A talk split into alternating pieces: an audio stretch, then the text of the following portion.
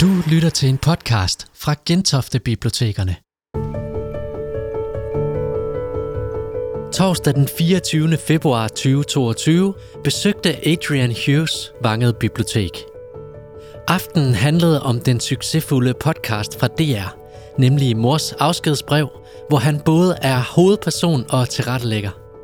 Før vi går i gang, vil jeg blot nævne, at Adrian havde videoklip med på aftenen, og de fungerer med gode grunde ikke her i podcasten. Så hvis I synes, at lyden den klipper lidt underligt et par steder, ja, så er det derfor. Velkommen til. Hvor er det... Kan I høre, hvad jeg siger? Er der hul igennem her? Øh, Uh, hvor er det dejligt at se sådan en fuld sal. Der det er, intet kan glæde mig mere. Uh, der, der er en anden person, som vil, det vil glæde endnu mere end mig, og det er jo altså min mor. Altså, uh, jeg tror simpelthen, hun har ligget i sin grav i Hørsholm og roteret, så øh, det vil give udslag på Richterskalaen. Altså, hvis hun vidste, hvad, hvad, hvad hendes yndlingssøn i øjeblikket gennemlever af opmærksomhed, og hvor meget opmærksomhed hun jo altså får på den her konto, det er fuldstændig sindssygt. Også selvom man kunne sige, at jeg siger nogle lidt mindre rosende ting om hende indimellem. Øh, jeg vil gerne lige høre, hvor mange her har, og jeg vil gerne se en håndsoprækning, hvor mange her har hørt mors afskedsbrev på DR Lyd? Nå, hold da. Ja, okay. Måske skulle jeg virkelig, det var meget skønt, øh, måske skulle jeg hellere stille spørgsmål. Hvor mange har ikke hørt den? Okay, jeg ved, hvor jeres børn går i børnehave, så det er så fair nok. Men så skal jeg nok fortælle historien, så alle kan være med. Og de af jer, som har hørt podcasten, I får jo nogle billeder, og I får mulighed for at stille spørgsmål til mig undervejs. I må endelig række poten op og stille spørgsmål, fordi det synes jeg jo faktisk er sjovere, end at jeg bare sådan liger min lektie af, for den kan jeg sådan set nogenlunde. Jeg har jo blandt andet lavet øh, tre timers radio om det. Danmarks Radio vidste simpelthen ikke, og det gjorde jeg jo heller ikke, da vi trykkede send på den her podcast den 22. juni sidste år, at det ville, blive en succes, som foreløbig er downloadet i 1,8 millioner eksemplarer, hvilket betyder, at ca. 300.000 mennesker har faktisk taget hele rejsen, som det hedder i moderne iværksættersprog, og har lyttet samtlige seks afsnit. Hvis de vidste, at de havde fat i en kassesucces af den størrelse, havde de nok brugt lidt flere penge på at lave traileren, vil jeg sige, og ikke bare sådan klippet forskellige øh, stillbilleder sammen fra mit eget private fotoarkiv, og derudover sådan masket folk, så det ser ud som om, at de forsøger at være anonyme lidt af tiden. Ikke? Men altså, fair nok, øh, det er jo et lille citat fra min mors afskedsbrev, der kommer her i starten af, af hele podcast-rækken. Og det mest sindssyge ved det her afskedsbrev, det er jo, at jeg stifter bekendtskab med, hvad min mor siger til mig og min lillebror og mine tre ældre brødre, allerførste gang, da jeg hører ordene forlade min egen mund. Altså, jeg er så dum, at jeg syntes, at det var sådan en lidt højtidlig begivenhed, at, at os fem brødre, vi skulle mødes, og så skulle vi se, hvad vores mor havde at sige til os fra sit dødsleje, og hun ville jo også fordele nogle forskellige sådan, værdiløse øh, ting af, af relativt sentimental værdi, eller hvad det nu måtte være. Øh, og så synes jeg, at det var vigtigt, at jeg ikke havde forspring frem for de andre. Så derfor, og så tænkte jeg faktisk også, at det er muligvis super pinligt, jeg tænkte, at, at jeg kunne jo også blære mig lidt med den der evne, jeg har til at læse direkte fra bladet, uden at læse forud. Ikke? Fordi det er sådan noget, jeg kan jo, ikke? som mine brødre ikke kan. Så, det, det, så så man lige mig, så kunne jeg lige det, tænkte jeg. Ikke? Og altså stor var min overraskelse, da jeg så hører, hvad min mor simpelthen har lagt i kakkelovnen til os. Det er jo godt og velgiftigt. Ikke? Øhm, den kvinde, som skriver det her, hun ser nogenlunde sådan her ud. Det er det sidste billede, jeg har taget af hende. Det er taget 7-8 måneder før hendes død. Og hun øh, besøger mig og min mand i øh, London, hvor min mand er udstationeret som diplomat. Og hun sagde selv, at hun syntes, det var sådan et helt mirakel, at hun var kommet til London på det tidspunkt, fordi hun var rigeligt syg, da hun kom til London. Altså ekstremt svagt gående, altså på 18 forskellige former for medicin. Altså hun skulle jo simpelthen line det op fra en ende af. Og vi havde jo, eller især jeg vil jeg sige, havde jo legnet hendes besøg op i London, som om det var et statsbesøg. Så jeg havde jo altså limousiner og taxaer, som fragtede hende alle vegne. Hun fik lov til at ryge i vores lejlighed, helt uhørt. Vi lavede selvfølgelig en middag for vores bedste engelske venner, som vi, hvor vi præsenterede Adrians mor for dem. Og de synes, nej, hvor er det festligt for dig, at du har så, øh, så frit tænkende øh, og spændende og intellektuelt øh, øh levende en mor osv. Og de synes, hun var et udstyrstykke, og det var hun jo også, kan man roligt sige. Men grunden til, at jeg viser jer det her billede fra London, 7-8 måneder før hun dør, det er, at, at det, som jeg sådan set bedst husker fra det der besøg i London, altså det, som skulle have været finalen på 40 år med Adrian som hendes yndlingssøn, øh, mors dreng, kan vi kalde mig, øh, det husker jeg mest for, at min mor piskede et skænderi op på et tidspunkt i løbet af det ophold der. Ikke? Jeg kom måske til at sige en eller anden bemærkning om, at altså, så meget synes jeg heller ikke, at det pyntede på Covent Garden Opera House, som vi jo selvfølgelig var på, og så øh, Verdis Attila øh, Øh, at der var kørestolsramper øh, foran øh, operahuset. Ikke? Og min mor var jo så svaggående, at jeg stort set skulle gå foran hende med et rødt flag og vinke, ligesom man gjorde i gamle dage foran veteranbiler lige, eller automobiler lige, da de kom til verden. Ikke? Og hun blev jo fragtet alle vejen rundt med, med en rollator. Og det, at jeg sådan kritiserede adgangsramper på Covent Garden, øh, og The Royal Opera House der, det synes hun var et udtryk for, at jeg simpelthen manglede menneskelig empati.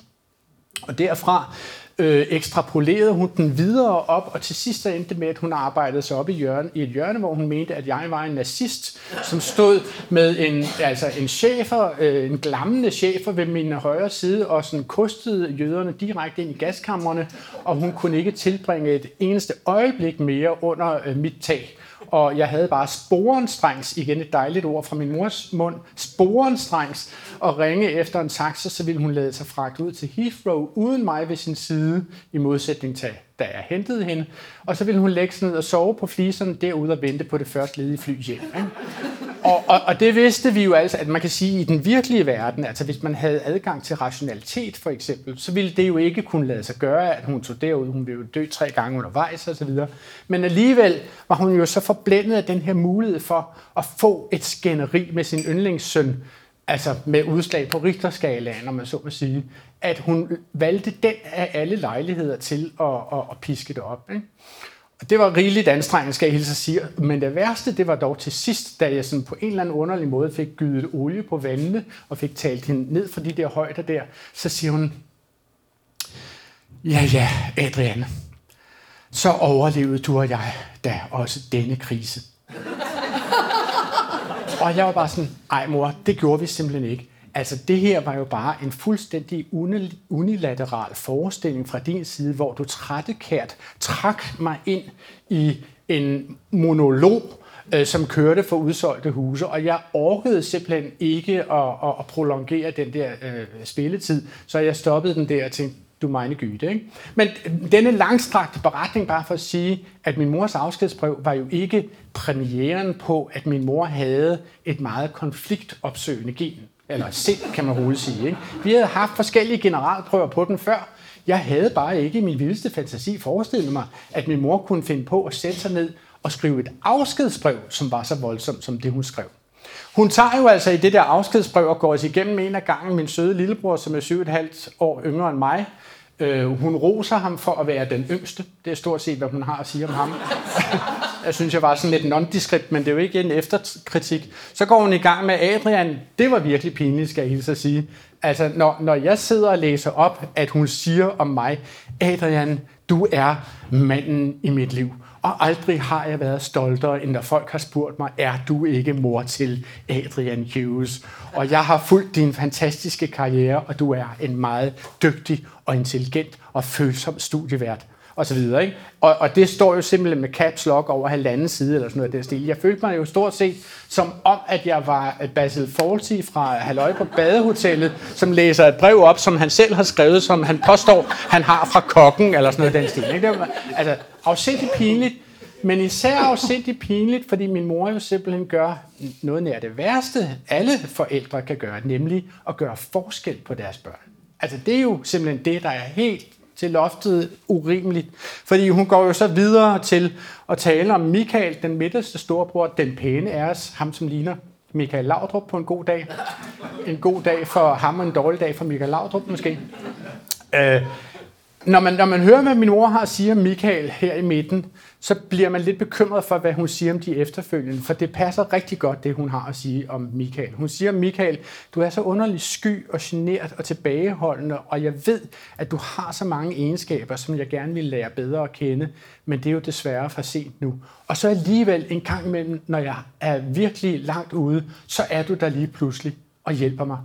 Øh, og det er nøjagtigt, hvad min storebror Michael har været. Altså lige pludselig kommer han svingende ind på en lian fra siden og hjælper hende med hendes økonomi og hendes flytning og alle mulige andre ting. Så han er sådan set lige så god som dagen er lang. Øh, men han beskriver jo selv, Michael, faktisk i den podcast, som nogle af jer har hørt, at, at han selv syntes, at han på et tidspunkt som gled væk fra vores mor. At hun var sådan en person, som gled ud af hans interessesfære, og at han var forbeholden over for hende, og ikke rigtig turde især øh, lade hende have noget med øh, hans børn at gøre. Det stolede han ikke på, blandt andet fordi hun var alkoholiker. Men også selv synes han, han synes aldrig rigtigt, at han havde fået følelsesmæssig feedback fra vores mor. Ikke? Det øh, fortæller han til mig da vi taler om det for første gang i 20 år, når jeg går ud til ham med en, med en radiobåndoptager. Og så går hun i gang med Karsten heroppe til højre, som sidder med sin daværende kæreste Janne. Altså Karsten øh, er hun virkelig sarkastisk over, for hun skriver om Karsten, at han er en øh, rå materialist, og hun siger til ham, at det sagde jeg jo allerede til dig under din konfirmationsdale, at lykken er ikke gods eller guld, og jeg anbefalede dig dengang, at du skulle få nogle indre værdier i dit liv, og det er helt tydeligt, at de værdier har du åbenbart ikke fået, og sådan noget. Ikke? Og så siger hun sådan lidt sarkastisk, jeg hører, du har fået dig en ny motorcykel. Ja, så håber jeg da i det mindste, at den gør dig glad. Ikke?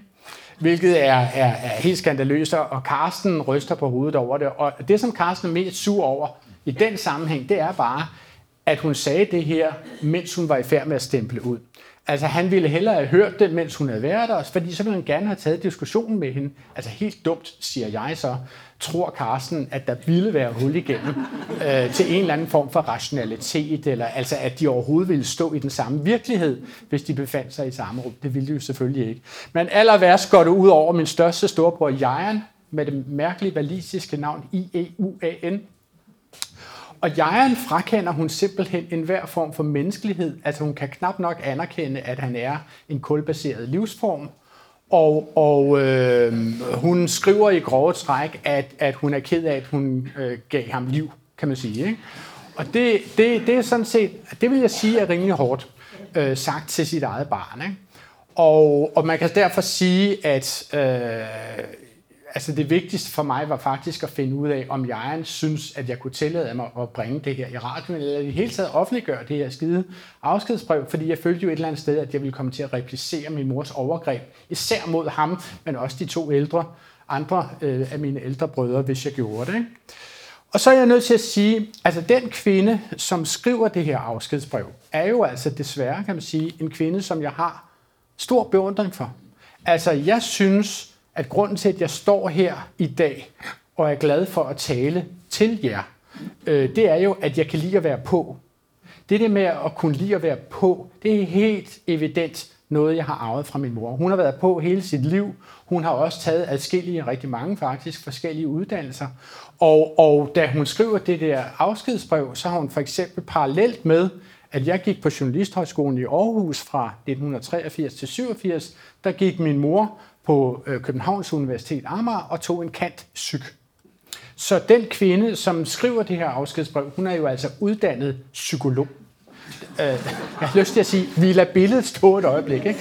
Men, men derudover så er min mor jo også, øh, hun, det, altså jeg har jo levet alle de interesser, jeg har taget til mig fra hende. Altså hun er jo interesseret i klassisk musik, øh, billedkunst, litteratur, historie naturligvis. Og det er alt sammen noget, som jeg har levet af at, at formidle. Og så har hun været historiefortæller, altså historieformidler.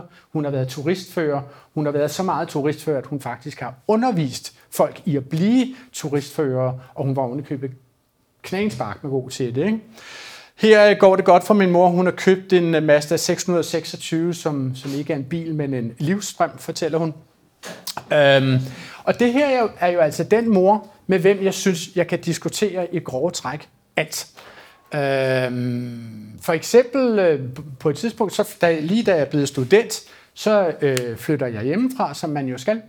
Øh, og jeg får en fremlejet lejlighed i noget, der hedder Eriksgade inde på Vesterbro i København. Og den her fremlejede lejlighed, jeg får, som er en toværelse, der er hele det ene værelse en stor seng. Og hele loftet over denne store seng er øh, et spejl, som er blevet sådan klasket op med spejlfliser. Ikke? Så jeg er ret sikker på, at det er en, det er en lejlighed, som sådan set er indrettet til prostitution. Øh, og når jeg går fra Eriksgade op til Hovedbanegården, øh, så kan jeg stort set måle afstanden op ad Istegade på, hvor mange tilbud jeg får fra de forskellige prostituerede, som henvender sig til mig undervejs. Ikke? Og det fortæller jeg morsomt til min mor, og så siger min mor, jamen Adrian, øh, du kunne jo overveje en eller anden dagene at gå hjem med en prostitueret. Og så siger jeg, altså mor, hvorfor i alverden skulle jeg dog gøre det? Øh, øh, altså, det ville jeg altså nærmest synes var den, ja, næsten en lille smule mærkeligt, og muligvis også ulækkert. Ikke?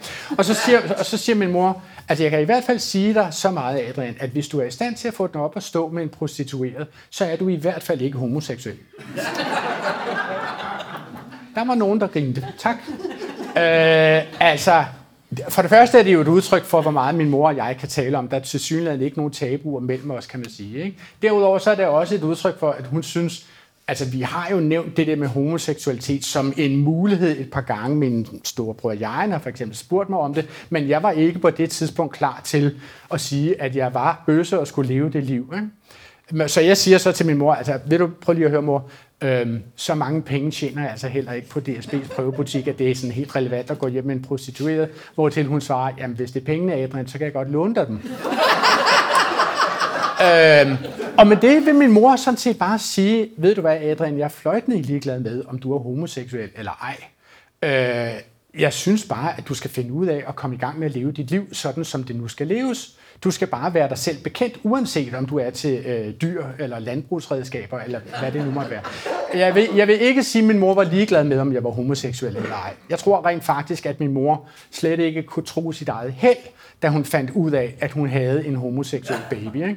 Fordi resten af brødrene er jo altså godt og vel fra Mars, mens jeg er den eneste, det eneste familiemedlem fra Venus, som min mor kunne forholde sig til. Ikke? Og, og jeg synes sådan set, at, at, at der er alverden til forskel på den Adrian, som ikke er sprunget ud endnu, og den Adrian, som er sprunget ud, og som er begyndt at leve sit liv i forhold til den seksualitet, som han sådan set har vidst, at han havde, siden han var cirka 7-8 år gammel. Ikke? Men det vigtigste var jo altså at høre fra min største storbror Jajan, med det mærkelige valisiske navn, om han ville acceptere, at jeg spillede min mors afskedsbrev i radioen. Og dermed afslører Jan jo, at han har levet de første otte år af sit liv i Wales, øh, dengang øh, vores familie startede derovre i 56, da han blev født. Øh, men, men jeg vil sige, jeg blev jo faktisk chokeret. Jeg har jo ikke talt med min storebror Jajan om det her 20 år siden vores mors død. Og jeg bliver chokeret over, at han sådan decideret siger, jeg har ikke noget forhold til vores mor. Altså det, det er simpelthen ikke en størrelse, jeg overhovedet kunne rumme op i min hjerne, at, at man ikke har et forhold til sine forældre. Altså jeg forestiller mig, at man kan have et dårligt forhold, eller forholdet kan blive forkvaklet, eller forkalket undervejs, eller forvidret, eller hvad det nu er. Men som udgangspunkt har man et forhold til ens mor eller far, og så kan det ganske langsomt skride i bag, til, øh, om i baggrunden. Ikke? Det samme siger min lillebror i den selv samme podcast, så siger han, altså jeg tror simpelthen ikke en døj på, at jegeren har forladt vores mor. Det er der simpelthen ikke noget øh, 3-5-årigt barn, som gør. Det er ikke sket i menneskabens historie, at et barn forlader sin mor frivilligt. Det kravler ikke af sig selv over i det andet træ og finder en anden gibbernabe og forsøger at skabe en familie med. Ikke? Så, så min øh, lillebror siger jo i podcasten, at han er ret sikker på, at min storebror Jan altså lyver for sig selv. Ikke? At han simpelthen sidder på den vildeste fortrængning. Ikke? Øh, og det er selvfølgelig lidt ærgerligt for Jan, kan man sige, at høre det i podcasten. Han synes også, det er lidt ærgerligt at høre mig sige det. Derudover så synes øh, Jan, at det er ret ærgerligt at høre cirka 300.000 radiolyttere sige det til ham. Altså fordi hver gang han har været ude og blandt folk, og de har genkendt, at det er ham fra radioudsendelsen, så siger de, du sidder jo på den vildeste fortrængning, som en eller anden anden hund i, i øh, øh, fyrtøjet, eller sådan noget af den stil, ikke? på den store kiste. Nå, men så, så det var Jan sådan set rimelig træt af. Men man kan, man kan i hvert fald sige objektivt, at der er gået et eller andet fuldstændig grueligt galt i moder-barn-relationen mellem min mor og min ældste storebror Jan. Ikke? Så Jan kaldte os alle sammen ud til der, hvor han bor i Kalundborg, og, og, og sagde, kære venner, jeg synes simpelthen lige, at jeg er nødt til at forklare jer, at det må være et menneskes egen ret at definere sin egen virkelighed. Og han mener simpelthen af et ærligt hjerte, at han ikke har noget forhold til vores mor. Og det går blandt andet ud på, at han siger, altså hvis jeg skulle have haft et forhold til vores mor, så ville det have indebåret respekt, kærlighed, accept, ærgelse over hendes bortgang. Altså en hel masse ting, som simpelthen overhovedet ikke er der øh, for hans vedkommende. Så hun var bogstaveligt talt, Og der kan man så sige, at hendes afskedsbrev til ham passede, da hun skrev, Jajan, for dig har været død i mange år. Det spurgte jeg ham også om ude i Kalundborg, så sagde han, ja, jamen det fandt han. Jamen fuldstændig, jamen hun var død. Nå, okay, Nå, ja. så var der faktisk en lille smule sandhed i det der afskedsbrev. Bekymrende nok, kan man sige. Ikke? Øhm, vi talte jo så øh, ude i Kalundborg om, om øh, øh, dengang vi havde besøgt farmor, da hun havde købt den berømte Mazda 626, som jo ikke var en bil, men en livstrøm. Jeg tror aldrig, hun har betalt for den. Øh, og, og på vej til, til Kalundborg, så siger min, øh, på det, min 93-årige far her, siger, i skal lige vide, da jeg fortalte min lille søster, Tante Anne i London, at, jeg, at vi skulle ud og tale om det her her i Kalundborg i dag, så sagde hun, kan du ikke sige til dem, at, at jeg havde sådan set også et indtryk af, at når jeg var sammen med familien Hughes, altså sønnerne der, drengene, Hughes-drengene, så synes jeg ligesom, at det var som om, jeg mødte sådan en mur af testosteron. Og det synes jeg sådan set var meget sødt at Tante Anne at sige, fordi det er jo også en erkendelse af, at det har været ret meget op ad bakke, altså hvis jeg som morstreng, som jeg jo er, skal forsøge at tage min mor en lille smule i forsvar, det har været ret meget op ad bakke for hende at være blandt alle de der skide mange drenge, hun havde sat i, i verden. Ikke? Og vi talte jo, når vi var sammen med hende, talte vi primært om biler og skiferier og tennis. Aldrig fodbold, men tennis. Øh, øh, true crime, flyulykker. Altså mange forskellige ting, som min mor aldrig nogensinde kunne finde på at være med i. Og der var ikke andre end mig i den kreds, som forsøgte at drage hende ind i selskabet. Så jeg synes sådan set, at det er en rimelig kode at, at kigge på vores familie igennem, eller en prisme, at kigge på vores familie igennem og sige, jamen altså disse fem drenge, de var jo nok også den her mur af testosteron. Ikke? Så så fedt har det heller ikke været at være Jette, kan man sige. Det her er den Jette, som jeg kender fra min barndom. Jeg synes jo faktisk, hun er virkelig smuk øh, hvis man spørger mig. Det gjorde I ikke, men nu svarer jeg alligevel. Altså, jeg synes jo, hun er sådan lidt øh, Elizabeth Taylor-agtig, øh, måske. Ikke? Sofia Loren, hvis, hun, hvis I stikker hende. Øh, hun var jo også godt selv klar over, at hun var relativt fotogen, og jeg har fortalt jer det her med, at hun har øh, øh, taget en psykologuddannelse. Hun underviste faktisk i det, der hedder transaktionsanalyse. Det var en af de ting, hun var på med. Og transaktionsanalyse er jo kun en amerikansk model for, øh, hvordan vi bliver bedre til at tale med hinanden som mennesker. Det var min mor specialist i, nemlig, nemlig på et tidspunkt, da hun havde taget sin psykologuddannelse, så lavede hun Danmarks første kontaktbureau, hvor en psykolog skulle matche folk med hinanden. Det er sidenhen blevet sådan relativt populært, blandt andet på fjernsyn og andre steder. Og med det var hun simpelthen i alle medier i foråret 1991, eller også var det 92, ikke? Øh, øh, hvor, hvor hun meget hurtigt blev til koplerskøn fra Kokkedal og mange andre ting. Hun kom også i elevatoren med det. Så hun var sådan en landskab i øh, 16 minutter eller deromkring. Ikke?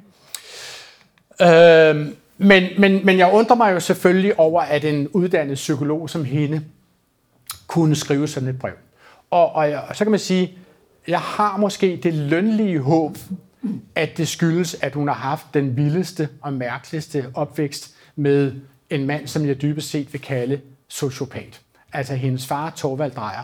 Her ser vi ham i et øh, portræt øh, lavet af den forrige Mytskov, øh, Rimor Mytskovs far. Øh, jeg tror, det er fra cirka 55, gætter jeg på, det her portræt. Han var en vanvittig rig og på det tidspunkt ret kendt øh, frederiksbergsk, københavnsk byggematador.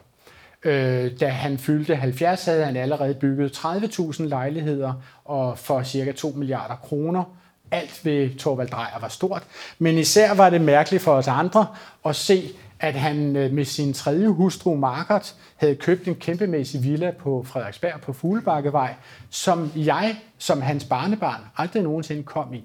Endnu mærkeligere for mig var det jo, at man i bladene, de kulørte og sort-hvide blade, kunne se, at han havde noget så eksotisk som en svømmepøl hjemme. Kan I forestille jer det? Altså, det kunne jeg ikke. Jeg var otte år gammel. Jeg tænkte, det var det, det vildeste. Og endnu vildere kan man sige, hvis man har en svømmepøl i sit eget privat hjem, hvorfor inviterer man så ikke sine fire døtre og ens på det tidspunkt cirka 10 børnebørn hjem og, og svømme i den? Ikke? Det gjorde han så ikke, kan man sige. Til gengæld kunne man se, at hans hustru, Margaret, gift drejer, født sats, øh, hele tiden gik i, til premiere og seksdagesløb og alle mulige andre society-begivenheder sammen med sin mand er meget gode ven, Stæren, nemlig Arne Peter Stær Johansen, Frederiksbergs mangeårige borgmester.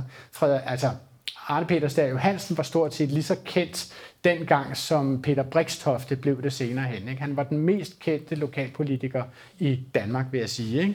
Og han sad som bykonge over Frederiksberg. Og overalt, hvor han viste sig, hver eneste gang han viste sig offentligt, havde han sin meget gode teaterveninde Margaret Drejer, fru landsretssagfører Margaret Drejer med.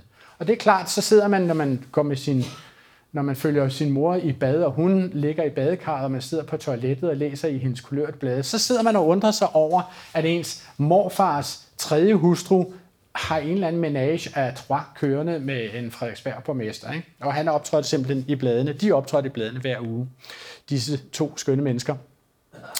Øh, hvis man skal sådan komme ind på, hvad, hvad Torvald Drejer er for en størrelse, så kan man sige, at de første 55 år af hans liv, der er, han kører nærmest parløb, eller et, øh, som, han virker nærmest som, som Mads Andersen Skjerns onde tvilling, kan man sige, ikke? Fra, fra Matador.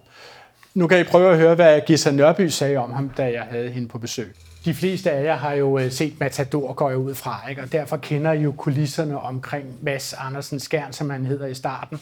Han kommer til Korsbæk i 1929. Vi skønner ham til at være cirka 30 år gammel, og derfor er han født i 1899. Han har jo et barn med sig på slæb, og han får foden under øh, sin, øh, sit eget bord, om man så må sige, sin forretning i Korsbæk i 29.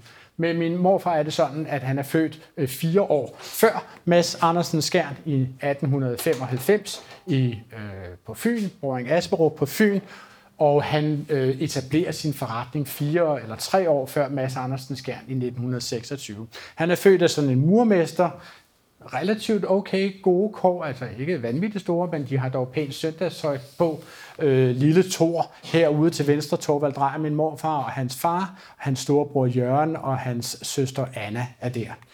Øh, han øh, bliver soldat, springer soldat. Han kommer ikke til at bruge meget tid på at gøre det, fordi allerede der har han taget eksamen fra Teknikum i Odense og er blevet teknisk tegner.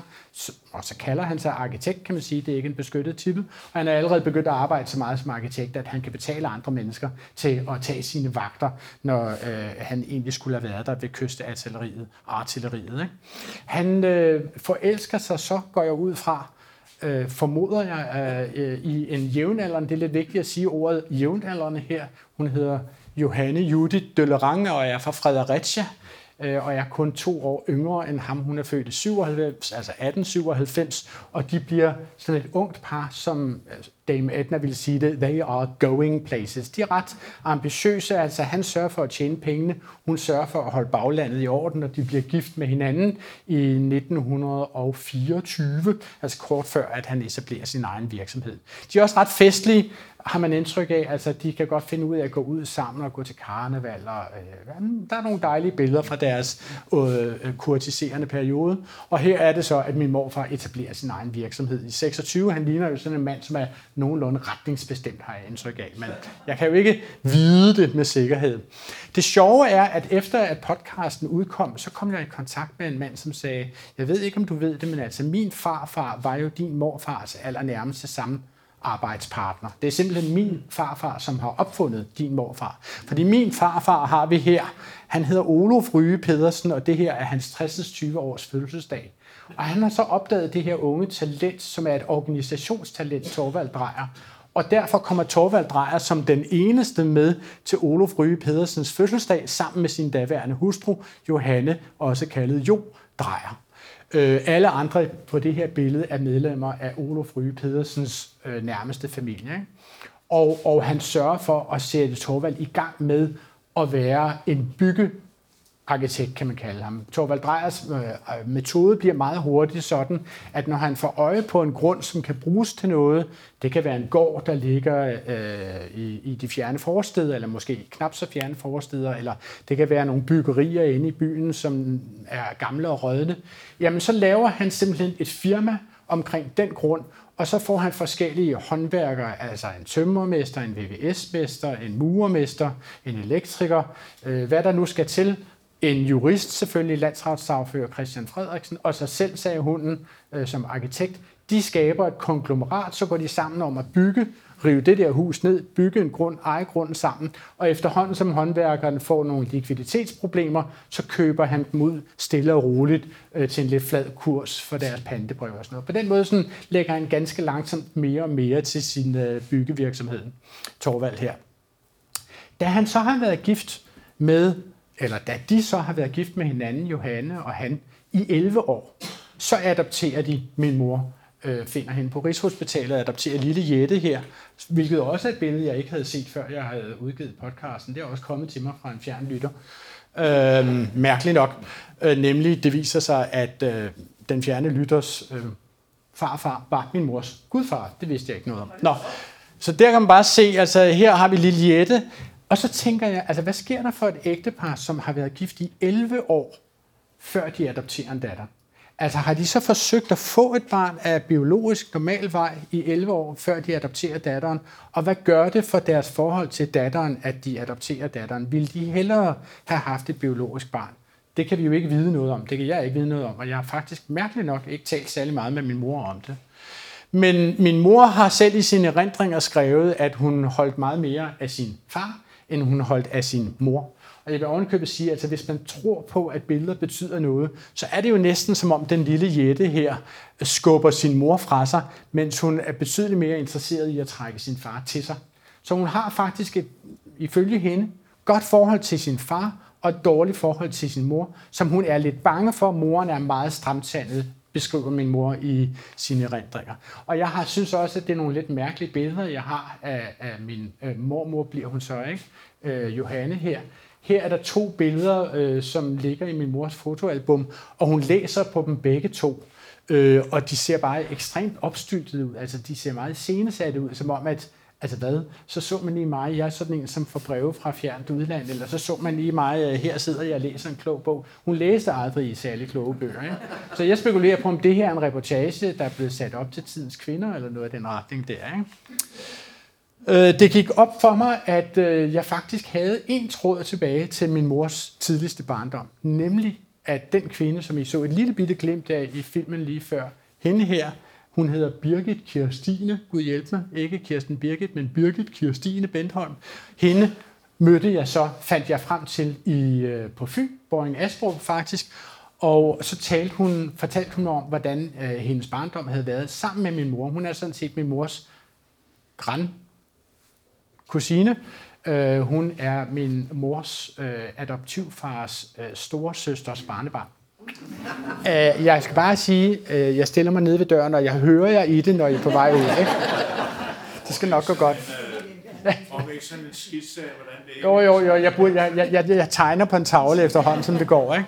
Men det sjove for mig ved at møde min mors grandkusine her, er, at hun kunne bekræfte alt, hvad min mor har skrevet om sin barndom. Blandt andet om den der meget, meget stramtandede øh, øh, mormor, som min mor havde skrevet om. Og jeg bliver altid en lille smule glad, når jeg en gang imellem finder ud af, at der har været ting, min mor har skrevet, som faktisk har forholdt sig til sandheden. Øh, så det var et fint øh, portræt, og et rigtigt portræt, min mor havde skrevet om sin egen mor. Og så sidder jeg der med, med Birgit Kirstine i Boring Asborg på Fyn og kigger i hendes fotoalbum. Og så finder jeg lige pludselig i hendes fotoalbum sådan et billede her, hvor der øver, øverst til venstre står der, onkel er hest for Jette og Birgit. Og det er altså min morfar der i en alder af cirka, hvad skal vi sige, han er jo 43-44 år her i 1939, øh, som leger hest med Jette siddende på hans skulder og Birgit lige bagved. Og det er altså en morfar, som jeg aldrig nogensinde har kendt. Altså det her menneske, som kan finde ud af at være noget for sin familie, og være noget for sine børn, og opføre sig festligt og hjerteligt, det er jo et menneske, jeg overhovedet ikke kommer til at møde. Og det, er, på den måde er det ret chokerende for mig at se sådan et billede her. Ikke? Min mor vokser op som ene barn, øh, bliver mere og mere ensom i de her meget, meget luksuriøse omgivelser, hun har.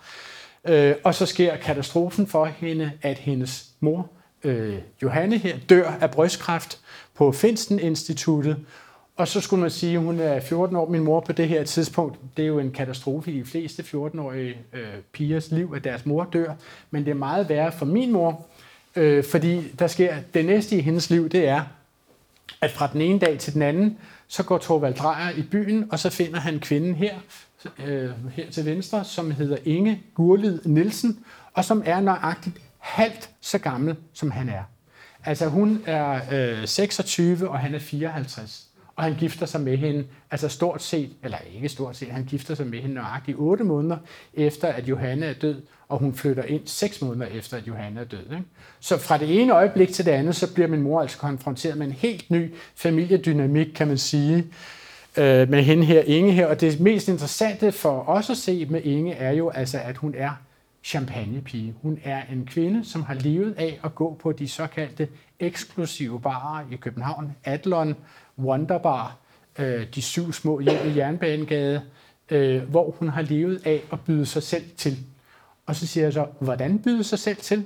Ja, altså i en eller anden grad byde sig selv til på den måde, at hun i, som det mindste har hun fået penge for at gå ud og danse med folk. Ikke? Men øh, man kan så spørge, om hun er gået længere end det. Altså jeg vil sige, jeg har ikke talt med nogen, som ikke mener, at hun er gået betydeligt længere end det. Ikke? Altså Inges renommé, da hun kommer ind i Torvald Drejers øh, kreds, er, at hun er demimonde, som de kalder det dengang. Altså en, en letlevende kvinde. Det er jo simpelthen det, man, man kalder det. Ikke? Og øhm, jeg kan sådan set, det her er også et billede, som jeg først har fået kontakt med efterfølgende, da jeg havde publiceret podcasten. Jeg havde aldrig set det før. Jeg kan sådan set godt forstå, at Torvald ligesom altså, øh, har, er, har, er gået direkte til kassen, har indløst alle sine jetonger, og så har han simpelthen valgt en gevinst fra den øverste hylde. Ikke? Øh, han har haft en hustru, som er hans jævnaldrende, og som hele tiden har skøset, øh, skoset ham for hans skørtejægeri. Øh, så er hun blevet kræftsyg, og så har hun formentlig, gætter jeg på, lukket for det varme erotiske vand de sidste 5-8 år af deres samliv, fordi der, man skal jo have et vist overskud for at kunne være erotisk sammen. Og det har hun muligvis øh, stoppet, kan man sige. Ikke? Øh, så, så når hun, kan man sige i anførselstegn, om sider dør efter et 4-5-årigt forløb, så er Torvald i heldigste fald tyk bag ørerne. Ikke? Øh, og så går han simpelthen i byen og, og finder det her meget, meget smukke menneske, øh, som han synes er en drøm. Hun er derudover også Fynbo. Hun kommer fra Sønder Nærø. Han er jo selv barnefødt på Fyn, som det hedder. Øh, og hun er fuldstændig uddannet. Altså hun har ikke andet uddan- anden baggrund, end at hun har været tjenestepige på en stor øh, nordfynsk herregård, hvis navn vi ikke kender. Øh, men, men i sommeren 1941 har champagnepigen Inge øh, fået en datter som vi ser her til venstre. Nemlig det eneste barn i den her beretning, som vokser op med sin egen biologiske mor. Connie hedder hun med C. Ikke? Og problemet med, med Connie er jo, at ingen ved, øh, hvem som er far til Connie. I Connies øh, fødselsattest er faren noteret som ukendt. Øh, og Connie har selv fået at vide fra sin mor, og hele familien Gurlid Nielsen har også fået at vide fra Inge, at Inge har haft en affære med en greve-baron. Så, så Connie, må vi jo må formode, er af en eller anden form for ædelbyrd. Øh, vi får ovenikøbet at vide fra nogle, at, at øh, greven, skråstreg, baronen, har betalt børne til, børnepenge til Connie de første mange år af Connies liv. Hvilket jeg mener er fuldstændig usandsynligt. Altså hvis man er godsejer på Nordfyn, eller nogen som helst andre steder for den sags skyld, og man i 1937 blev uægte børn ligestillet med ægte børn, arvemæssigt set. Det var først i 1937, men det var dog fra 1937 og frem. Hvis man, har, øh, hvis man er far til et uægte barn i 1937, og ikke ønsker, at det barn skal have arveret til ens nordfynske gods, så trækker man altså ikke et papirspor efter sig, hvor man begynder at betale børnepenge til en anden stuepige, man har gjort gravid. Ikke? Men, øh, men, men det er sådan set historien, som Connie fortæller, og som Inge fortæller til sin egen familie. Det her med, om, Connie, om Inge var øh, kurtisane, eller hvad hun var, det får jeg for første gang i mit liv bekræftet af et øh, medlem af Inges egen familie i podcasten, nemlig ham her, som hedder Erik Bjarne Stadler, og som viser sig at være Inges nevø, og som lige pludselig dukker op på Facebook, da jeg fortæller om projektet øh, med at, at undersøge min øh, families historie. Og han bekræfter hele det her forløb med, at Inge får et barn uden for ægteskab, deponerer barnet hos sine egne forældre og tager til København for at finde ud af, hvad hun kan tjene sine penge på. Ikke? Og han er med på det her med, at hun er champagnepige ved de bedre beværtninger osv. Ikke? Og så øh, kan I jo huske det her billede, jeg viste jer før med The Godfather of byggeri i København, Olof Ryge Pedersen.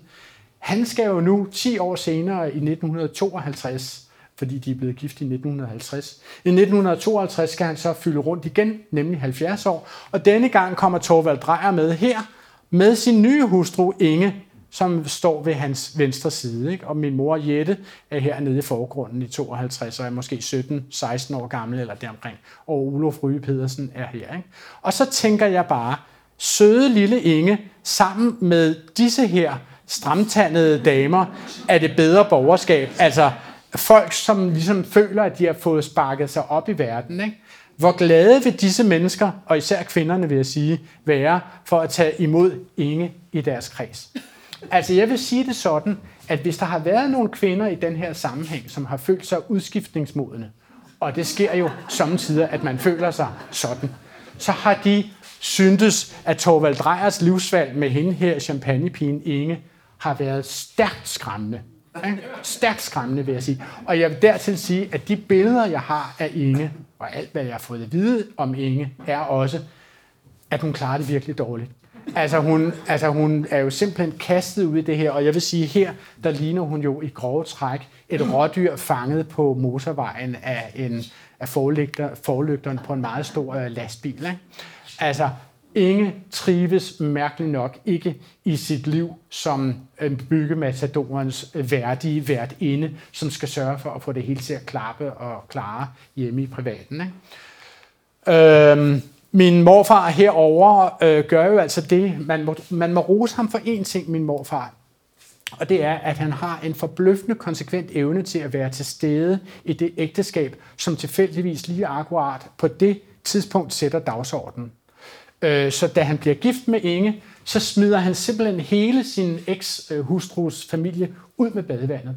Altså, bort ryger alle døllerangerne her med lige med undtagelse af ham her, som er fætter Ib, min mors fætter Ib, som er født øh, øh, som uægte barn af, af min mors moster Anna.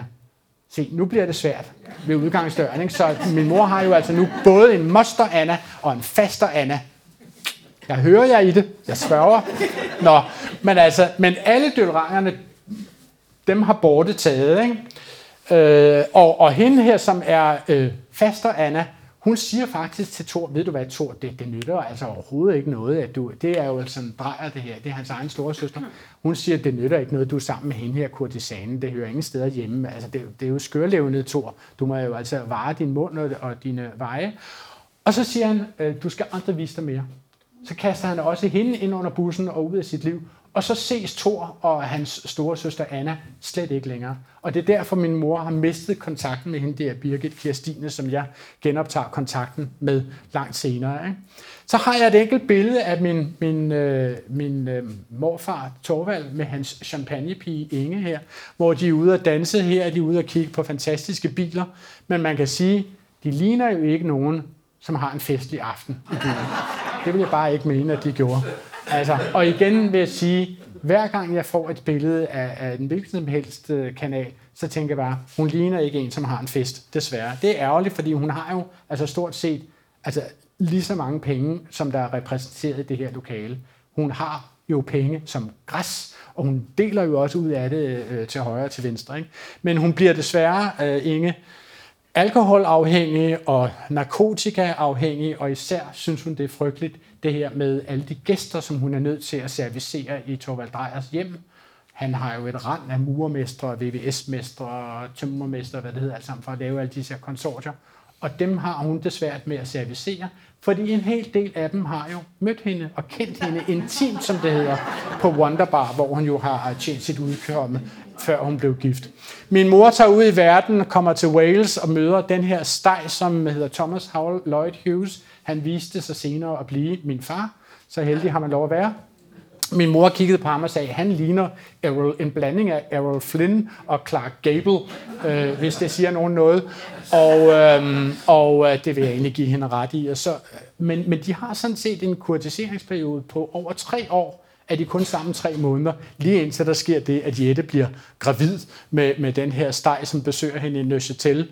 Og så sker der jo det, altså i 1956, eller rettere sagt, det jo må være i december 1955, at, at når hun bliver gravid, så er der kun én vej frem, og det er at blive gift. Øh, sådan var det dengang. Det sagde min far, det sagde min mor. Så skulle man giftes, uanset hvad man i øvrigt mente, man havde med hinanden at gøre. Og det kan jo selvfølgelig betyde... Altså min mor mener, at det var en fejl at blive gift med min far. Øh, og så har jeg spurgt hende, altså mor, øh, må jeg spørge, hvis du synes, det var så stor en fejl, hvordan kan det så være, at øh, I fik øh, fem drenge med hinanden plus et par aborter? Og så siger min mor, at man altså Adrian, et eller andet sted skulle skænderierne jo ende. Jeg ved ikke, om vi skal tro på det, men altså her bliver de så gift. Men der sker det i min mors liv, aften før hun bliver gift. Øh, så trækker Torvald Drejer hende til side, og så siger han, altså Jette, hvad var det nu? Der var et eller andet, der var noget, jeg skulle sige. Nå jo, forresten, øh, din, din mor øh, øh, kunne ikke få børn, så du er adopteret. Øh, og, og jeg er ikke din biologiske far, og din mor var ikke din biologiske mor. Det, det havde jeg lovet at fortælle øh, din biologiske mor på hendes dødslejr. Så det skal du lige vide, før du bliver gift med ham her, valiseren. Ikke? Og, og det var jo voldsomt, voldsomt chokerende, kan man sige. Der er et spørgsmål derovre. Nå, for det. Okay, jeg kan også prøve. Er, er det her en smule bedre? Ja. Og du, hvad vil du spørge? Det, det er godt. Nå. Så jeg fortsætter sådan nogenlunde i det her niveau. Det prøver jeg så. Ja, okay. Men altså, stort chok for min mor lige pludselig i en alder af 21 at få at vide, at hun var adopteret. Øh, så, så alle de billeder, jeg har af min mor til hendes bryllupsdag, der tænker jeg bare, her står der en kvinde, som er voldsomt chokeret og lige har fået den mest sjælsrystende oplysning i sit liv, kan man sige. Ikke?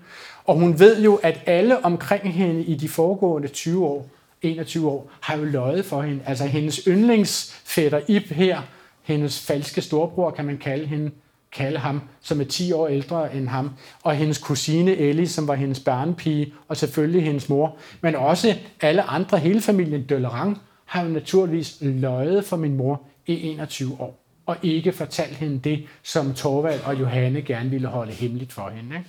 Det må være et chok, kan man sige. Ikke? Så øh, her ser vi, hvor festligt det er til øh, brylluppet der. Jeg har jo læst senere hen, fra min fætter Ibs erindringer, at det her er første gang, hvor Inge gør stor skandale ved at være så fuld, at hun ikke kan styre sig, og simpelthen sejle rundt i det her øh, meget, meget fine bryllup med altså 115 øh, forretningsgæster, øh, inklusive hustruer, hvad, hvad det hedder, ikke? Når Torvald Drejer gifter sin første fødte væk. Min mor skynder sig sådan set og, og flygter fra den her familiedynamik, kan man kalde det, hun tager til Wales, og hun begynder at sprøjte børn ud, som hun jo gør en gang hvert cirka andet år de næste 8 år. I 56, i 58 kommer min storebror Karsten til. jegeren til højre er fra 56.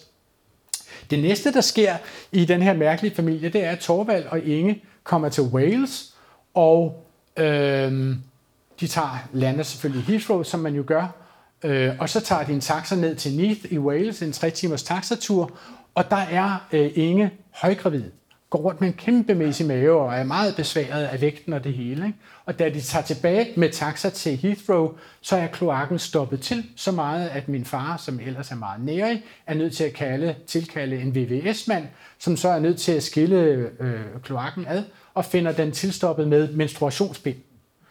Og min mor var det ved Gud ikke, fordi hun var jo gravid hele tiden. Altså hvis ikke hun var, hun var bare gravid hele tiden. Så hun, og hvis ikke hun var, så vidste hun jo godt, at man ikke puttede menstruationsbind i kloakken. Så der måtte være nogle andre, som havde puttet de der menstruationsbind i kloakken. Hvem kunne det være? Ja, det kunne faktisk kun være Inge. Og det viser sig så, at Inge simpelthen har paraderet med en fake mave, at hun gået rundt og lavet som om, at hun var gravid. Ikke? Det er sidenhen blevet meget veldokumenteret, blandt andet på adoptionspapirerne, som vi har fundet. Ikke? Øh, og så spurgte min far og mor hinanden, altså hvad sker der her? Altså først, min mor nåede at tænke, har Torvald gjort Inge gravid? Det kan han da ikke, han er da infantil. Altså, så at, hvem er det så? Er det, er det Inges elsker? Er det eventuelt Arne Peter Stær Johansen, som de begyndte at se meget til? Og da det første barn kom frem, synes de også, at det lignede Arne Peter Stær Johansen rigtig meget. Ikke? Men, men, men der foreligger adoptionspapirer, som modsiger det, og som, som fortæller, hvem øh, Susans rigtige far er. Men de adopterer jo altså to på hinanden følgende år. I 58 og 59 adopterer den på det tidspunkt 63 og 64-årige Torvald Drejer sammen med sin, 39, sin 37 og 38-årige hustru. de ser to børn, henholdsvis Susan til venstre og Lotte til højre. Men øh, Inges nevø, Erik Bjarnestadler, har jo fuldstændig ret.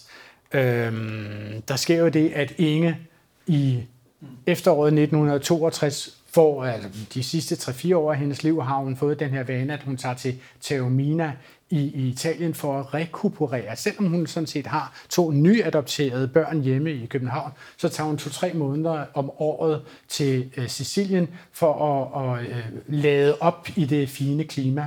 Og øh, hun indlogerer sig det, i det absolut fineste hotel, der findes i Taormina, øh, San Domenico, som er indrettet et 400 år gammelt kloster.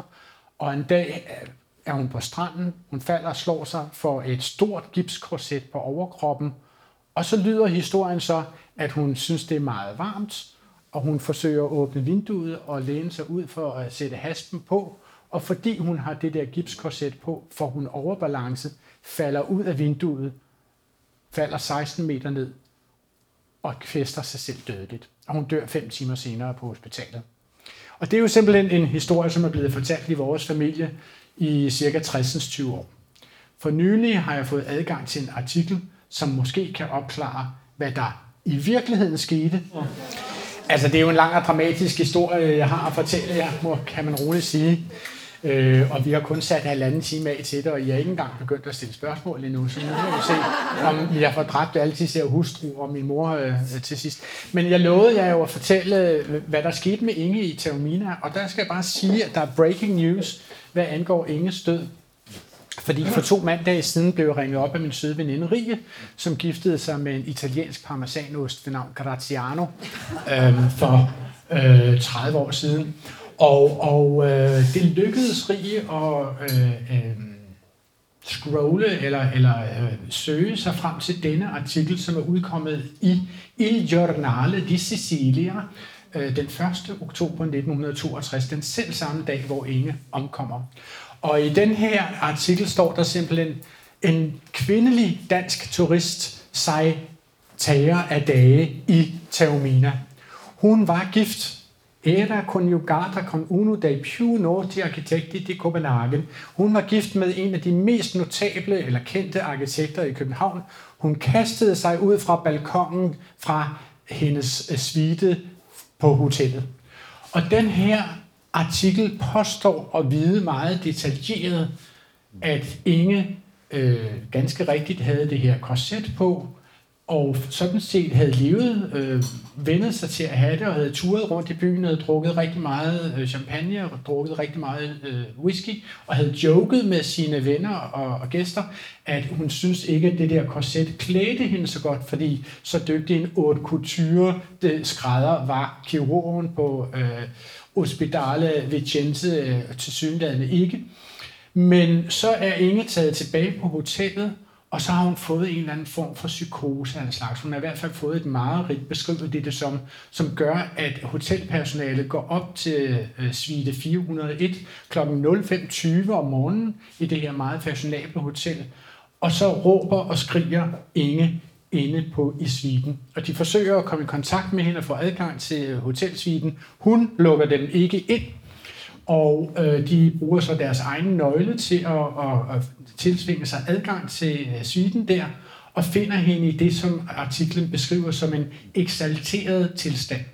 Altså hun har stort set været i en eller anden form for psykose af en slags. Altså hun har været ude af sig selv, kan man i hvert fald sige.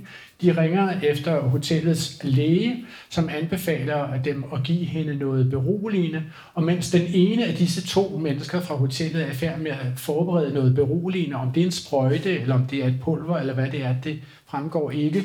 Og den anden kravler rundt på gulvet for at finde nogle juveler, som Inge siger, hun har tabt, og som må ligge i det høje luvede øh, tæppe øh, i den her meget fine svite så kigger de op og ser med det, som artiklen beskriver som deres forstenede øjne, ser de til. Øh, Liocchi Petra Sante øh, går, de, går hun hen til balkongen, skræber hen over balkongen og lader sig falde ud af balkongen ned på terrassen. Og det giver faktisk desværre forfærdelig god mening. Altså jeg vil sådan set sige, øh, de ser jo ud til, de ser mennesker, som har skrevet den her artikel, at de er usædvanligt velorienterede. De kender Inges nøjagtige alder.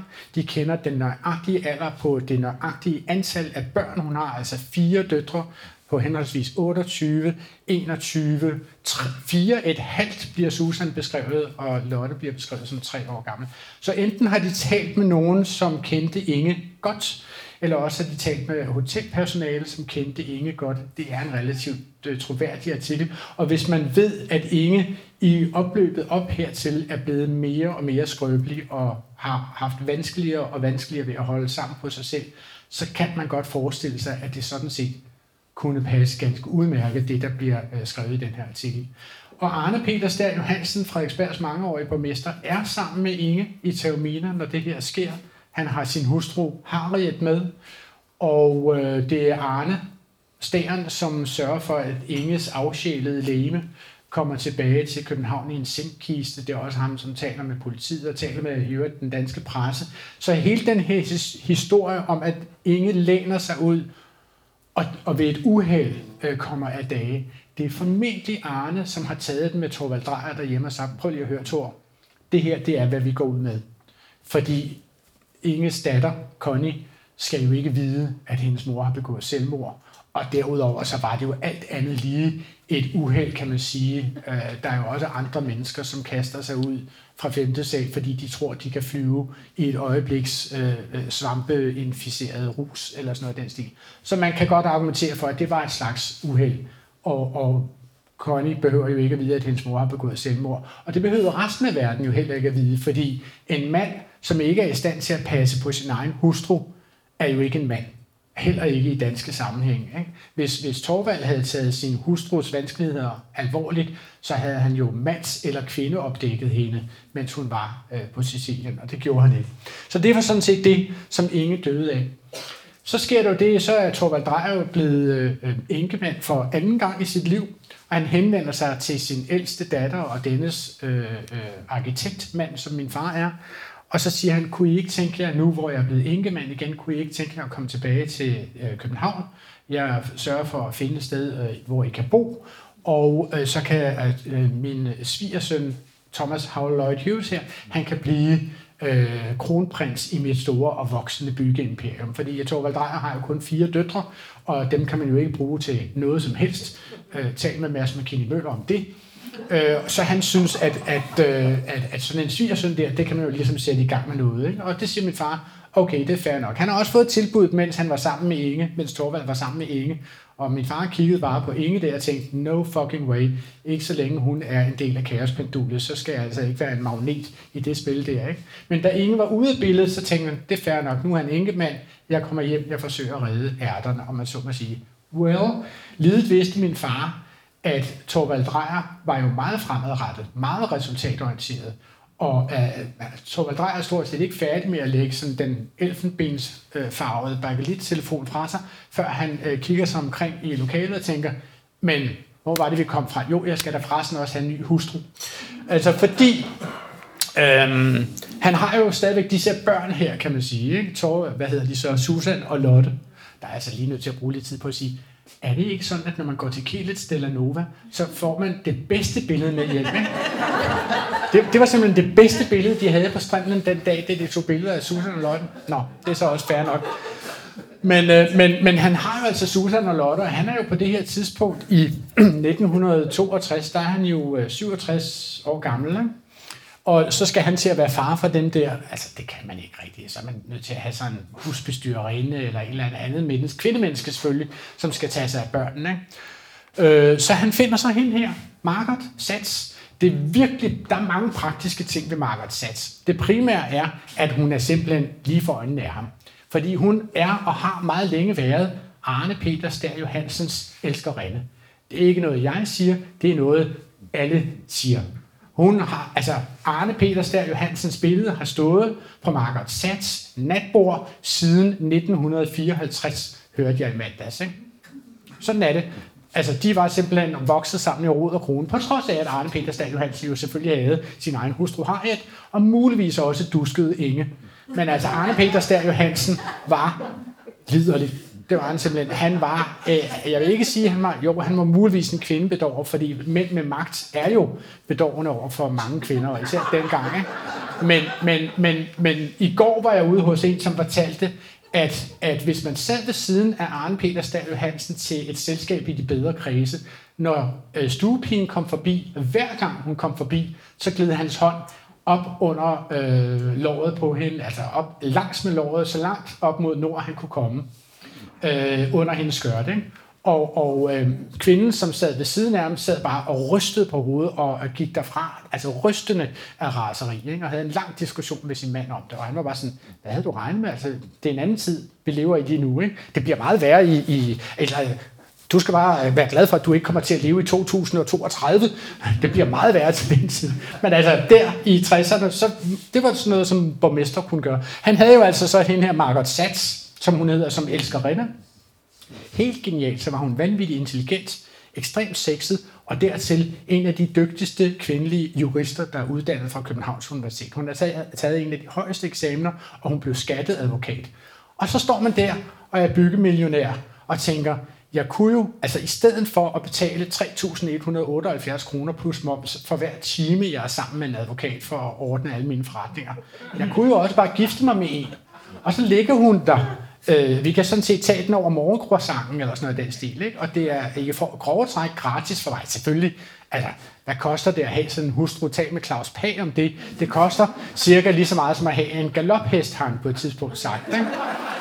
og, og Margaret Satz her er faktisk ikke dyr i drift, fordi hun sparer min morfar for en million kroner i skat alene det første år, de er gift med hinanden, siger min far. Ikke? Og det er noget, som Torvald Drejer har pralet med over for min far.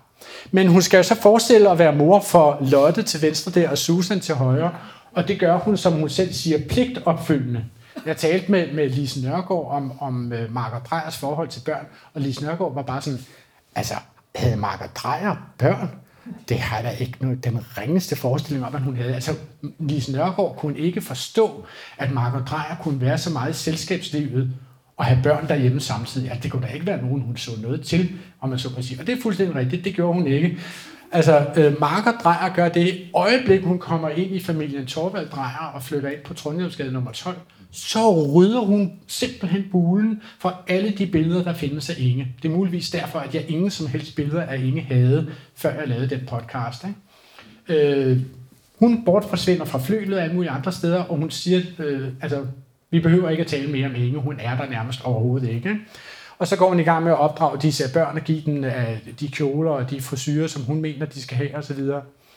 Margaret Dreyer er af alle mennesker, som kender hende, øh, kendt for at være et exceptionelt erotisk menneske. Jeg kender en, som, som har haft erfaringer med hende som advokat i vedkommendes tidligere advokatkarriere, som siger, Margaret Dreyer var den eneste advokat, jeg nogensinde har mødt, som procederede med sin eros i retten.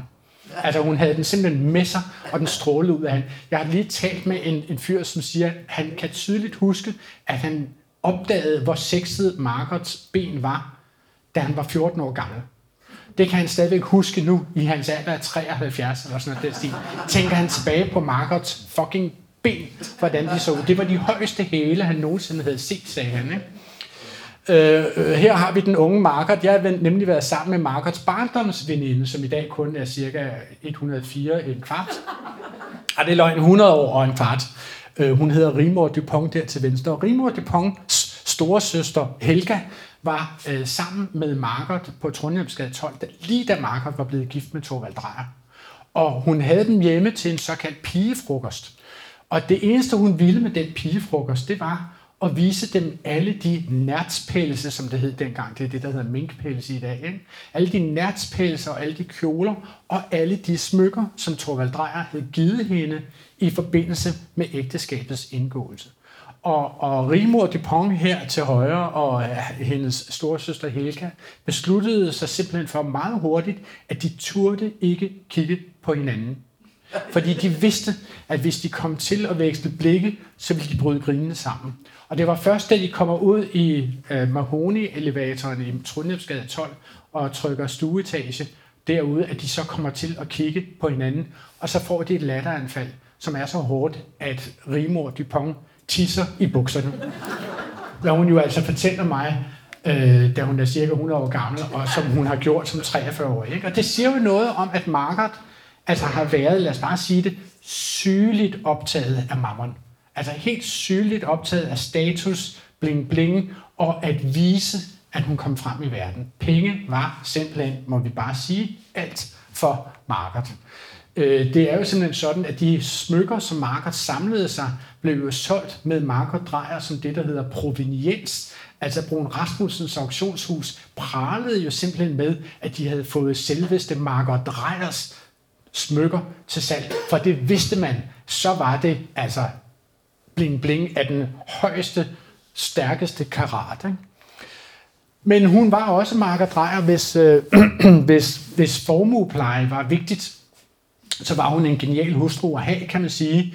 Hun var en fremragende organisator. Hun organiserede jo for eksempel Torvald Drejers 70-års fødselsdag for de allernærmeste 300 øh, på, på øh, Lange Linje-pavillonen i København, øh, hvor der ved hver en kuvert lå en lille forgyldt mureske øh, sådan en lille charm, som kvinderne kunne sætte i deres armlænke, og mændene kunne sætte i reværen, eller sådan noget den stil. Altså som sådan en lille Altså hvis man sådan ville skrive i en tv-fiktionsserie, øh, at en mand havde købt sine venner, så ville man indføje sådan noget som en lille forgyldt charme der. Ikke? Og det var nøjagtigt, hvad han gjorde, kan man sige. Den, de lå der hele vejen rundt. Og min mor synes jo altså, øh, her ser vi Marga Drejer sammen med Torvald Drejer til venstre, og selvfølgelig er han sammen med den daværende overborgmester Urban Olsen. Hansen hedder han selvfølgelig, Urban Hansen. Øh, fordi min, min morfar er jo ikke kostfornægter på nogen som helst måde. Altså, man er jo venner med de borgmestre, uanset om de er socialdemokrat eller konservative eller hvad de er, som kan skaffe en nogle kransbordsbyggerier for lejerbo eller noget andet. Så øh, selvfølgelig sidder de til højbords der. Og man kan sige, at Torvald Drejer får jo også her, det er stadigvæk en hustru, som er cirka 26 år yngre end ham, og han får jo en meget præsentabel hustru. Det er jo simpelthen en hustru, han kan tillade sig at vise sig med. Altså, hvis han er 70 år der, Øh, der er jo nogen her, som muligvis kender til at være 70 år, og man begynder jo at, at, at, at pejle lidt mere mod øh, nødudgangen, end man gør mod, øh, hvor man kom fra, om man så må sige. Ikke? Og, og øh, Torvald Drejer har jo også mærket timeglasset, så småt begynder at rende ud her. Og så får han den her hustru, som simpelthen kan det hele på den halve tid, og kan jonglere med millionerne og ejendommen og alt muligt andet, og derudover også kan finde ud af at organisere et selskab for 300 mennesker, hvilket er vigtigt stadigvæk for Torvald Drejers karriere. Han er slet ikke gået i gang med at bygge hele Brøndby Strand endnu, som han skal tage fat på i løbet af de næste 10 år. Så han er stadigvæk i vi gøre som byggemagnat, og har derfor brug for en hvert ene, som kan være det samlende midtpunkt hjemme i hjemmet. Og man kan sige samlende midtpunkt, ja, det er Margaret Dreyer. Hun er simpelthen det, som Bo Lidegaard kalder generøs med sig selv, hvilket vil sige, at hun er altså erotisk voldsomt udadreagerende, vil jeg nærmest kalde det. Ikke? Hun går simpelthen i seng med, og altså det her, det her, det er ikke mig, der siger det, fordi jeg kendte hende jo ikke på den måde personligt, men alle siger det. Ikke sandt? Du kender jo også Margaret Dreyer. Ej, men du, du, øh, du øh, læste om hende i bladene dengang, jeg så, hvad det var, og så, hvordan stæren hele tiden holdt foran Fuglebakkevej og var sammen med Margaret i et væk. Altså, jeg vil ikke dømme nogen, som har sund, sund øh, erotisk appetit, og det var heller ikke ulovligt. Men altså, hun tog for sig af retterne, kan jeg forsikre jer for. Ikke? Min mor synes jo, det var meget rart at komme hjem til København og være sådan en millionærdatter igen. Øh, her er de sammen med Paul Reichardt, som er aftens konferencier, og Marker Drejer giver den gas og køber alle de smykker osv., hun kan komme i nærheden af. Øh, her ser vi Susan og Lotte, dengang det er Lotte til venstre og Susan til højre, og sådan her ser de ud i vores dage, at jeg møder for første gang nogensinde i mit voksne liv mine stedmostre Susan og Lotte, som jeg har mistet kontakten med, og som min mor har mistet kontakten med cirka 1975, eller måske endda tidligere 1969, tror jeg, vi mister kontakten til dem. Og hvorfor mister vi kontakten til min mors øh, sted, lille søster? Ja, det gør vi simpelthen, fordi Marker siger, jeg vil ikke have det. Jeg vil ikke have, at, du opsøger de, at I opsøger jeres store søstre. Så stakkels Susan og Lotte der har fået at vide, at de slet ikke må se deres adoptiv store søstre, Connie og min mor Jette. Øh, helt absurd beslutning fra Marker Drejers øh, side, kan man sige. Ikke? Marker Drejer gør det, at for at, for at, øh, for at komme, øh, blive, blive kvitt øh, det der minde med Inge, som jo altså har haft sin spøgelsesagtige tilværelse i Trondheimsgade nummer 12, så overtaler hun Torvald, og jeg har hun formentlig gjort med en mursten, vil jeg tro, øh, til at sælge Trondheimsgade nummer 12, flytte ud af Trondheimsgade 12 og købe en villa, som Margot Dreyer kan få lov til at sætte sit præg på. Og nu siger jeg, at Margot Dreyer sætter sit præg på. Altså, det eneste hun gjorde, det var at sige til ham, køb villaen, den skal være så stor som muligt, den skal ligge i Frederiksberg, fordi du skal betale skat til Frederiksberg og blive Frederiksbergs største skatteborger. Øh, og det taler vi om med min søde ven, vores fælles søde ven, Stæren. Øh, og, og hun havde ikke tid til selv at indrette den. Det har hun selv fortalt til Berlingske Tidene, som hun sagde, jeg har jo nok at lave. Øh, så hun tog bare og, og, og, og skrev en check til Lysberg Hansen og Terp og sagde, altså her har I en palævilla på 588 kvadratmeter, øh, den tæppebomber I bare med øh, de dyreste malerier, I kan finde på Brun Rasmussens auktioner, og når jeg har en række, lad os sige, at vi kører Sartmann i det ene rum, og vi kører Veje og Rude og Hoppe, og måske lidt Miro og Chagall, øh, når I har fået disponeret, hvad der skal hænge på væggene, så tapeterer I det, så det matcher, og så ombetrækker I en hvilken som helst sofa, I kan finde, som matcher, og så kører vi den stil hele vejen igennem. Og det skal være færdigt om, øh, I får tre uger. Og så er den der bare. Og det gør Lisbeth Hansen og Terp. De er jo vant til at, sådan, at kværne sig igennem landet og øh, indrette hoteller og rimandsvillager. Og det er det, de gør. Og når, når Lisbeth Hansen og Terp for eksempel laver et børneværelse til Susan og Lotte, så ser det sådan her ud. Altså med Bjørn Wienblads skulptur, vi har dog i det mindste altså, fjernsyn på værelset. Super luksuriøst, kan man sige. Ikke? Øh, og, og Marker Drejer er jo godt klar over, at hvis man er en byggematador, så skal man jo også vise, at man har succes.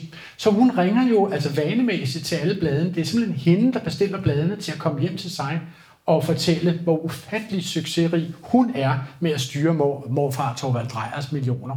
Hun passer på millionerne, og der er mange af dem, og så viser hun hele Lysberg Hansen og Terps indretning frem øh, med alle de ting, de har købt i udlandet, og så så man lige også, at vi har været i Kina og mange andre ting. Ikke?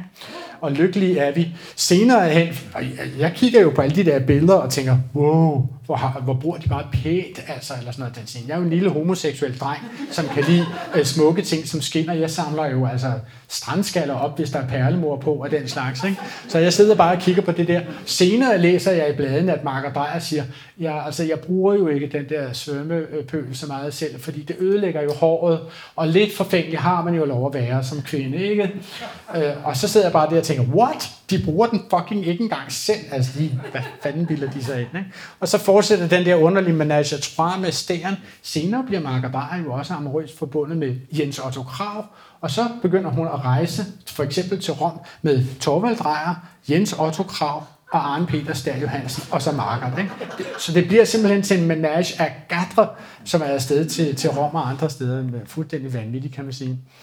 Min mor forsøgte sådan set om, at manøvrere i det her spil, ikke? fordi hun syntes, at Margaret var en æderkop, som var i færd med at suge livet ud af, af hendes far Torvald.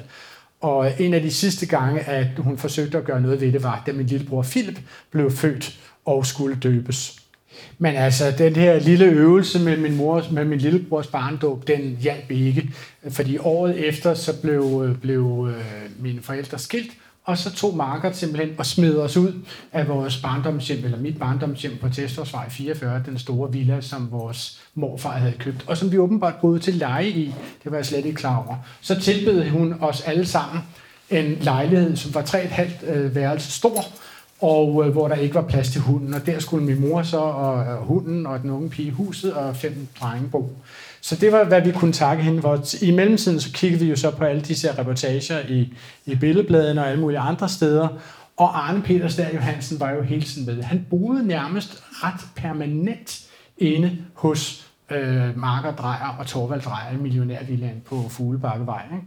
Og min, øh, min stedmoster Lotte beskriver ham som decideret klam. Altså sådan en mand, som altid sagde Benny hill og gik nøgen med i saunaen og den slags, og det ville hun helst have været fri for. Torvald Drejer bliver langsomt mere og mere syg af mavekræft, og så flytter øh, Arne Peter Johansen permanent ind i villaen på Fuglebakkevej for, som, hun siger, som han siger til billedbladene, for at støtte sin veninde Margot i en svær tid. Og så, og så øh, sender de øh, øh, øh Susan afsted til TH Langs kostskole i Silkeborg, og fra Susans 14. år er hun slet ikke tilbage hos Thor og Marker overhovedet. Altså hver gang hun er på ferie, så finder Margaret et andet sted at flytte hende hen, altså til en sprogskole i Brighton, eller øh, kokkeskole i Neuchâtel, eller Lausanne, eller hvad det hedder. Ikke? Så dør Torvald Drejer af sin mavekræft på Frederiksberg Hospital, mens, Tor, mens Arne Peter Stad Johansen er flyttet ind i villaen derhjemme.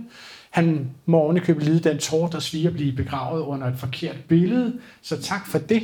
Og så skriver de om ham, at han har lagt navn til en lang række byggerier, sjældent opsigtsvækkende i udformningen. Så det er, hvad man får ud af sit liv, hvis man arbejder hårdt hele livet på at skaffe penge til huse. Øh, og det fortæller øh, min, min moster Lotte om, at, at hun simpelthen bliver bort vejret. Altså hun, øh, hun får faktisk ikke at vide, at hendes mor, at hendes far øh, er død. Det får hun først at vide tre dage efter, at han er død og begravet. Margaret vil simpelthen ikke have, at Lotte kommer til sin fars begravelse. Så hun ved knap nok, hvor han er begravet henne. Ikke? Og så skynder Margaret sig simpelthen, øh, da Torvald er ude af billedet, så skynder hun sig ud og bliver gift med Arne Peter Stern Johansen. Og Marker Drejer, som jo altså har sparet Torvald Drejer en million kroner i skat det første år, hun har været gift med ham, hun gifter sig med Arne Peter Stern Johansen uden forudgående ægtepagt. Hvilket betyder, at hvis hun dør før ham, og det er der jo ikke nogen grund til, at hun skulle, for hun er meget yngre end ham, men hvis hun dør før ham, kommer han til at arve hele hendes formue, og dermed hele formuen efter Torvald Drejer. Og tænk engang, det gør hun faktisk. Hun dør. Altså øh, tre måneder efter, at hun er blevet gift med Arne Peter Stær Johansen, så bliver hun fundet død, eller rettere sagt livløs, øh, på guldbadeværelset på Fuglebakkevej hun har formentlig øh, fået en overdosis sovepiller, spiritus, et eller andet. Livløs er hun i hvert fald. Hun bliver fragtet til Frederiksberg Hospital, og to og en halv uge senere øh, trækker de stikket til respiratoren.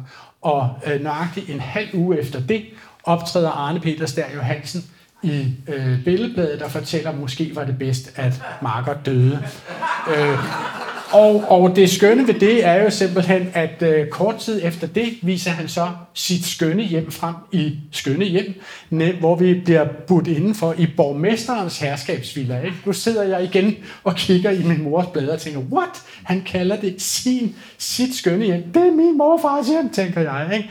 Men man kan sige tak til skønne hjem, for det er jo første gang, jeg nogensinde har været indenfor i min morfars millionærvilla i farver og se det med mine egne øjne. Ikke? Han er garanteret aflivet Margarets to øh, kokker spaniel, og så har han så sørget for, at hans egen to mods, der mobber, øh, er kommet til. Og så øh, har han installeret hele sin bogsamling med den store samling af erotisk litteratur, som han jo har. Det er ikke mig, der siger det, det er Berlingske Tidene, som siger det, øh, øh, der på væggen der. Og skønt ser det ud, nu ved vi så også, hvad det er for et, et regime, Lysberg Hansen og Terp kører, når de sådan tæppebomber en millionærvilla med alle deres dyreste møbler. Ikke? Sådan ser det åbenbart ud der.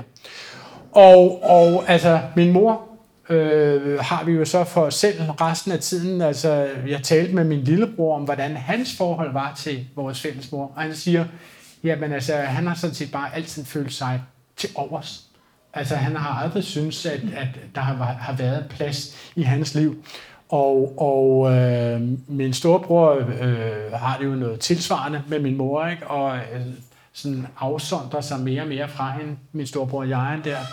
Min lillebror fortalte mig, fordi jeg altid har haft dårlig samvittighed over, at da jeg flyttede hjemmefra, for eksempel da jeg flyttede hjemmefra til Eriksgade, som jeg fortalte jer om, så var det, synes jeg, det var min skyld, at Erik, undskyld, at Philip blev smidt afsted på kostskole, Herlevsholm Kostskole. Ikke? Det synes jeg var forfærdeligt. Og så sagde Philip til mig, der skal du bare vide, det er det bedste, der er sket i min barndom, det var, at jeg kom på kostskole. Altså, der fik jeg jo lige pludselig en familie, jeg fik jo lige pludselig rammer, jeg kunne stole på, jeg vidste, hvad jeg kom hjem til. Øh, jeg fik en tryg tilværelse på Herlevsholm, som jeg slet ikke havde haft før da, da vi var alene med vores såkaldt fællesmor. Ikke? Så det, det, det er sådan noget, man kan sådan tage med sig og tykke på jeg tænker jo meget over, hvordan min mor så har oplevet det her med at være sammen med disse her fem drenge, og den her mur af testosteron, som hun jo simpelthen følte sig fuldstændig ude af synk med. Og jeg tænker egentlig også, at, at alle de der mange selskaber, vi har haft, hvor min mor hele tiden har været på kanten, og jeg har forsøgt at være bindeledet mellem hende og mine brødre, har været voldsomt anstrengende. Øhm, jeg vil ikke gå mere ind i det her, hun har med det her kontaktbureau. Det går jo roligt galt. Men det er jo altså sådan set den forhistorie, der fører frem til den kvinde, som skriver det her afskedsbrev, som vi så, eller jeg så læser op i, i Kokkedal. Og da vi skulle tale om det for første man kan sige, podcasten har gjort det for vores familie, at vi for første gang i 20 år i vores familie har talt om, hvad det har givet os af traumer at have den mor, som vi sådan set har. Ikke? Man kan sige, at hver af os, de fem af os har jo sådan set haft en forskellig mor, og det er i grove træk kun mig, som føler, at jeg har haft en mor, kan man sige. Ikke? Men da jeg var ude at tale med øh, de andre fem brødre om det i Kalundborg, så sagde jeg, hvordan er det, kan I huske det der billede, som øh, vi lavede oppe hos farmor, da vi besøgte hende, og hun havde købt den der Mazda 626, som ikke var en bil, men en livstrøm. Øh, og vi lavede det der sjove billede. Skulle man ikke tage og rekonstruere det her 30 år senere? Det synes de var en ret god idé, og det gjorde vi så. Og det er det sidste billede, jeg vil vise jer i det her foredrag. Tusind tak, fordi I vil kigge. Og øhm, jeg bliver her, så længe I stiller spørgsmål, men jeg kan også godt forstå, at vi er allerede gået 10 minutter over tiden. Så jeg siger tusind tak, fordi I kom og blev.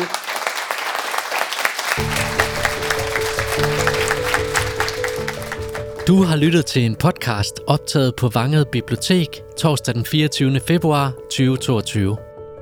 Husk, at du finder mange flere podcasts på vores hjemmeside. Vi lyttes ved.